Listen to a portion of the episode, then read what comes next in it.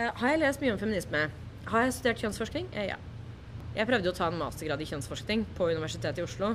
Men det var ikke alle som likte at det satt en hore på lesesalen, for å si det sånn.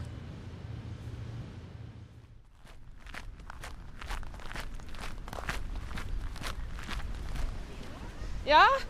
Hei!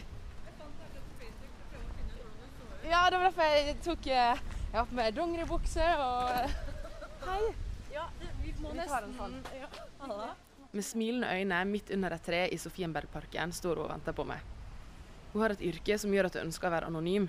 Derfor vet ikke vi hvordan hverandre ser ut før akkurat nå. Hun har på seg svart skjorte og bukse, og fra ørene henger det perleørlobber. Det er litt grått ute, så hun har et sjal rundt seg. På Twitter skriver hun en del om livet som sexarbeider. Der kaller hun seg for Hanna. Vi møtes, kjøper kaffe, Kan jeg få en uh, dobbel cortado til å ta med? Vær så snill. og så går vi for å finne en benk vi kan sitte på. Og så nå ble det sol igjen. Å, deilig. Jeg har jo allerede drukket en trippel espresso i dag. Da. Jeg har det. Du har det? Jo, du har det? Har du espressomaskin? Nei, jeg har en sånn uh, Bialetti-kanne. Å, ja. Så det, Jeg liker ikke sånn kapselmaskin. Jeg syns kaffen har en dårlig kvalitet. Og så syns jeg også at det er unødvendig miljøsvinn. Ja. Det, det vil jeg ikke ha. På vei ned til benkene forteller hun litt om morgenrutina si. Mens kaffen koker, Ja. så pleier jeg å gå inn i stua, og så ser jeg på alle plantene mine. Jeg sier alle, det er ikke så mange. altså Jeg har 23 eller noe. OK, men det er ganske mange. Nei, jeg har en venninne som er over 100, så jeg syns liksom at jeg Jeg har holdt meg veldig godt i skinnet, da. Eh, men ja. 23 planter, jeg syns ikke det er så Det er jo ikke så mye, egentlig. Men blir det, er det en slags sånn jungel eh, hjemme hos dere? Får du litt den viben når du går inn hos det? Altså, Det er det eneste ved leiligheten vår som ser ut som kunne vært i et sånn interiørarkitektmagasin. Det er bare plantene som er sånn. Resten, da? Nei, det er shabby, ass. Det, ja, jeg bor på et loft eh, som har blitt gjort om til en leilighet. Leiligheten fungerer som et kollektiv, og hun bor der sammen med en annen person. Der har hun bodd i to år, og før det så bodde hun i Australia. Ja, og det er fire og et halvt år i Melbourne. Og aksenten er der ennå når jeg snakker engelsk. Kan, kan du si et eller annet på australsk? Greier meg. Has a guy. Hi. Fucking cracking! ja. Men hva du studerte der? Jeg studerte internasjonal utvikling, som da er eh, politikk, hjelpeprogrammer, bistandsarbeid, menneskerettigheter. Den linja. Spennende. Veldig, men det er jo også en oppskrift på depresjon, da.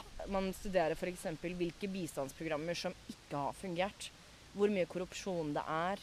Eh, hvordan vold utarter seg. Jeg hadde ett fag som het eh, Holocausts and Genocides. Bare sånn God morgen, klokken er åtte på en mandag. Her er folkemord. Altså, så det blir jo Det er interessant, men det er definitivt ikke for alle. Men så da i Australia var du både student og sexarbeider samtidig? Ja. Hvilken stillingsprosent vil du si? Ja. Skal vi se. Jeg starta jo først som stripper, og da jobba jeg fredag-lørdag fra ni eller ti på kvelden til tre og fire på natta. Var det i Australia du først begynte med det, på en måte? Nei, og det har jeg tenkt en del på siden. Altså Det var da jeg tok altså, valget fullt ut og tenkte ah, fuck it, nå jobber jeg på et bordell, liksom. Eh, kuleste jobb jeg har hatt. Eh, men jeg solgte sex så vidt det var hjemme før det. Men da tenkte jeg ikke på meg selv som noen sexarbeider. Det var bare en måte å få penger på. Det var ikke noe mer, liksom. Det var ikke en politisk interesse. Det var ikke noe sånn Oi, shit, nå er jeg en hore. Det slo meg aldri. Det var bare sånn Å ja, hvis jeg gjør dette her, så får jeg masse tusen. Ok. Det er jo farlig, og det er mange negative sider da ved å ha denne jobben. Ja. Eh, hvorfor har du den? 3000 i timen.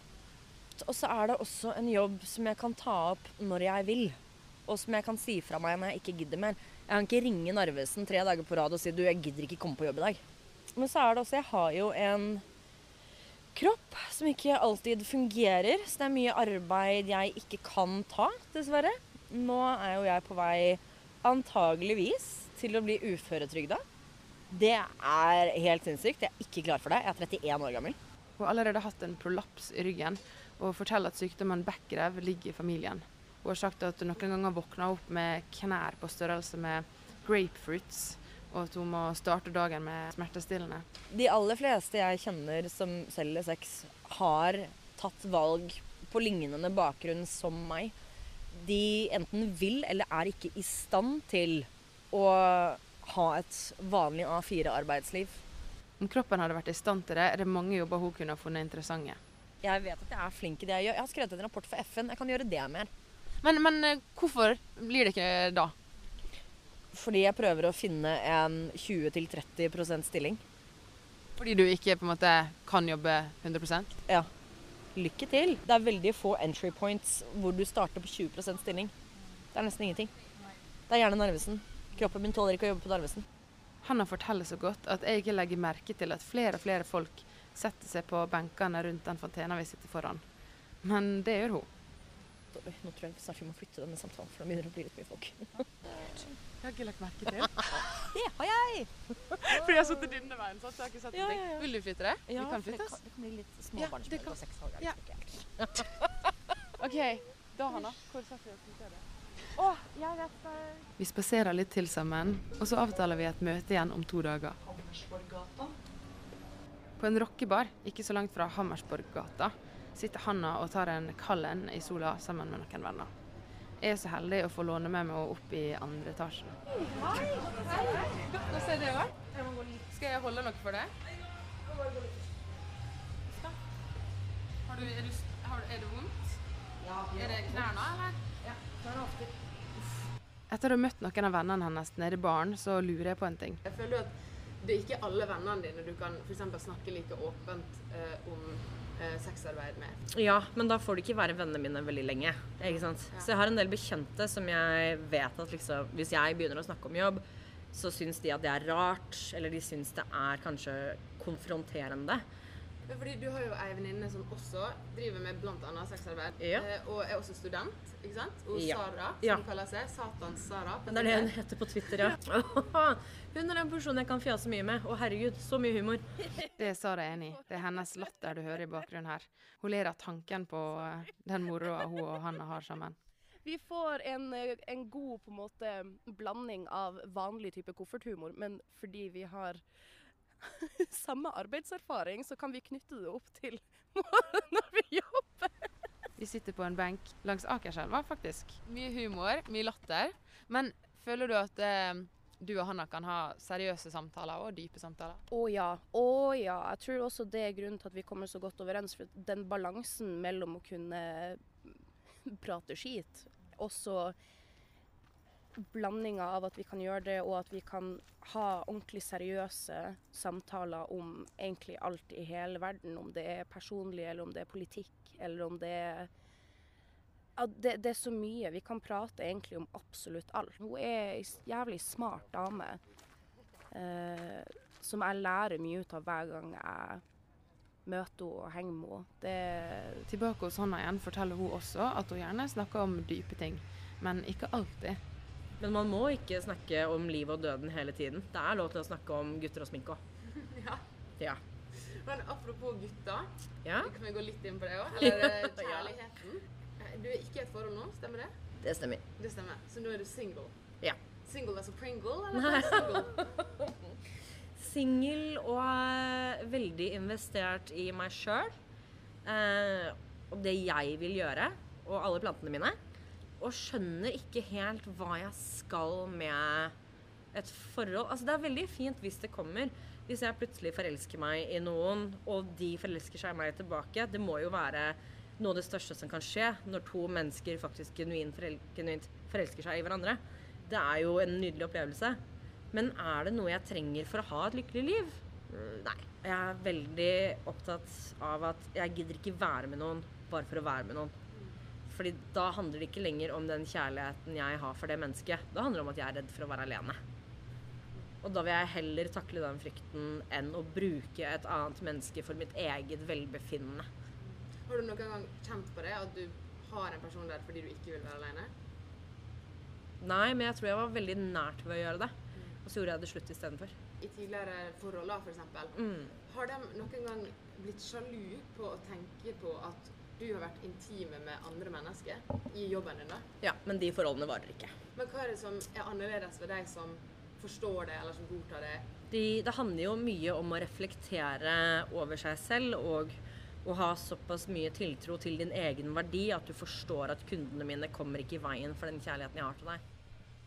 Vi snakker om mye forskjellig, og bl.a. om folk som sliter. Og hun føler seg heldig som har det livet hun har fått. Jeg innser at jeg er en veldig privilegert kvinne. Jeg har et liv som jeg liker. Eh, jeg er fornøyd med valgene jeg har tatt, og den retningen som livet mitt går i. Det er klart at det finnes usikkerhet i meg også.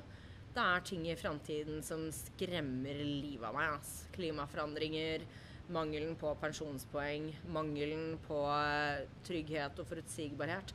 Dette kan skremme meg og holde meg våken om nettene. Men samtidig så bor jeg i en OK leilighet. Jeg har 23 planter og muligheten til å ikke stå opp før klokka ti med mindre jeg absolutt ikke må. Jeg har det ikke kjempekult økonomisk, men jeg kan allikevel Jeg har råd til å sitte her på en torsdag og ta en pils. Det har jeg. Når man holder på med sexarbeid, så tenker jo kanskje folk med en gang at da tjener man fett. um, fordi Men hva har du sagt til det? jeg vet hva du mener. Det er de som tror at man driver med sexarbeid hele tiden, da. At vi har lik arbeidstid som alle andre. At vi jobber fra åtte til fire, og så tjener vi 3000 i timen. Så da har jo vi tjent en million da, på et år. Minst. Mm. Og sånn er det jo ikke. Jeg har kanskje én kunde i uka. Oh, såpass, ja? Ja. Så ikke mer? Det har noe med egne begrensninger å gjøre. Det har noe med hvordan markedet ser ut å gjøre. Hadde det vært tryggere å jobbe, så hadde jeg jobba mer. Men det er ikke trygt å jobbe, så jeg tør ikke å jobbe mer. I flere år har hun engasjert seg politisk, bl.a. med et ønske om å bedre sexarbeidere sine rettigheter. Hun har noen konkrete eksempel på hva som burde gjøres. Ikke sant? Vi må jo forandre eh, hallikparagrafen. Sexkjøpsloven må jo da også forandres, selvfølgelig. Men jeg tror en veldig god start er at vi må få lov til å jobbe trygt sammen. Vi kan ikke ha lover som gjør sexarbeidere mer utsatt for vold, mer utsatt for ran, mer utsatt for drap. Men kan du forstå dem som sier at f.eks. ja, men hvis vi gjør det lett for sexarbeidere da, å, å jobbe på den måten, så blir det liksom, så blir det flere, og så blir markedet større, og at det på en måte er farlig eller skadelig, da. Hva, Ja. hva tenker du om det? Da tenker jeg at vi må se på hvorfor vi er imot sexarbeid i det hele tatt. Hvis vi vil hindre at folk starter med sexarbeid, så burde vi få høyere stipend for studenter, høyere AAP, høyere uføretrygd, bedre støtteordninger som favner om folk som er på vei ut i fattigdom. Det er sånn du får folk til å ikke selge sex altså in the beginning, in the first place. Vi er nødt som et samfunn å ta vare på hverandre i større grad enn det vi gjør nå. Folk som selger sex, gjør det fordi at de trenger penger til husleie og mat. Jeg ønsker meg heller ikke en stor uregulert bransje hvor unge kvinner kommer inn og ikke nødvendigvis vet hva de gjør, og kan bli utsatt for overgrep eller kjønnssykdommer. Jeg vil ikke ha det. Det er ikke det jeg jobber for. Men jeg vil at folk som ser seg nødt til å selge sex for å overleve, ikke skal være utsatt for vold. Ikke skal være utsatt for ran og kriminalitet. Da du begynte å selge sex, da var du 19, stemmer det? Eller i tidlig 20-åra? offisielt eller uoffisielt for det. Nei, Altså, offisielt da. offisielt så var jeg jo eldre. Da var jeg jo 24. Ja, men hvorfor begynte du? For du var jo ikke i en veldig vanskelig økonomisk situasjon, eller? Var du? Jo, jeg måtte betale for alle legeregningene jeg hadde i Australia. Jeg hadde jo fått søster på eggstokkene. Det kosta veldig mye penger. Det var liksom ikke bare sånn at du Ja, nå gjør jeg det. Eller? Kanskje litt begge. Jeg kunne jo kanskje fått meg en annen jobb, men jeg hadde ikke fått en jobb som betalte så godt. Men hva tenker du nå, da, når du liksom er i den posisjonen du er nå? Det, jeg angrer ikke på at jeg begynte å selge sex. Eh, Jeg har det veldig greit med det. Jeg har det veldig godt med den personen jeg har vært, og de valgene som jeg har tatt. Det jeg ikke har det godt med, det er samfunnets stigma mot sexarbeidere. Det syns jeg er utrolig vanskelig. Det må være mulig for folk å ta et oppgjør med sine indre stigma og hvordan de tenker om kvinner og hva de gjør med sin egen seksualitet. Hanna slår meg som ei som står opp for de rundt seg. Og jeg lurer på om det kan være en spesiell grunn til det. Ja, jeg har noen ganger kjent på det å sjøl stå utenfor. Og jeg har jo Når jeg var liten, da, når jeg vokste opp, så var det mamma og meg, og det var oss mot verden. Og mamma hadde tre jobber ass, for å få til å gå rundt. Det er sjukt vanskelig som alenemor. Fy faen. Så mye creds og respekt til den dama der. Jeg tenker at jeg vil jo ikke at noen andre skal ha det vondt. Jeg vil jo ikke at noen andre skal føle seg utenfor. Og jeg syns ikke at mennesker som ikke passer inn i økonomien vår nødvendigvis da fortjener å miste rett til helse eller sosialt liv og velferd. Ingen er mindre verdt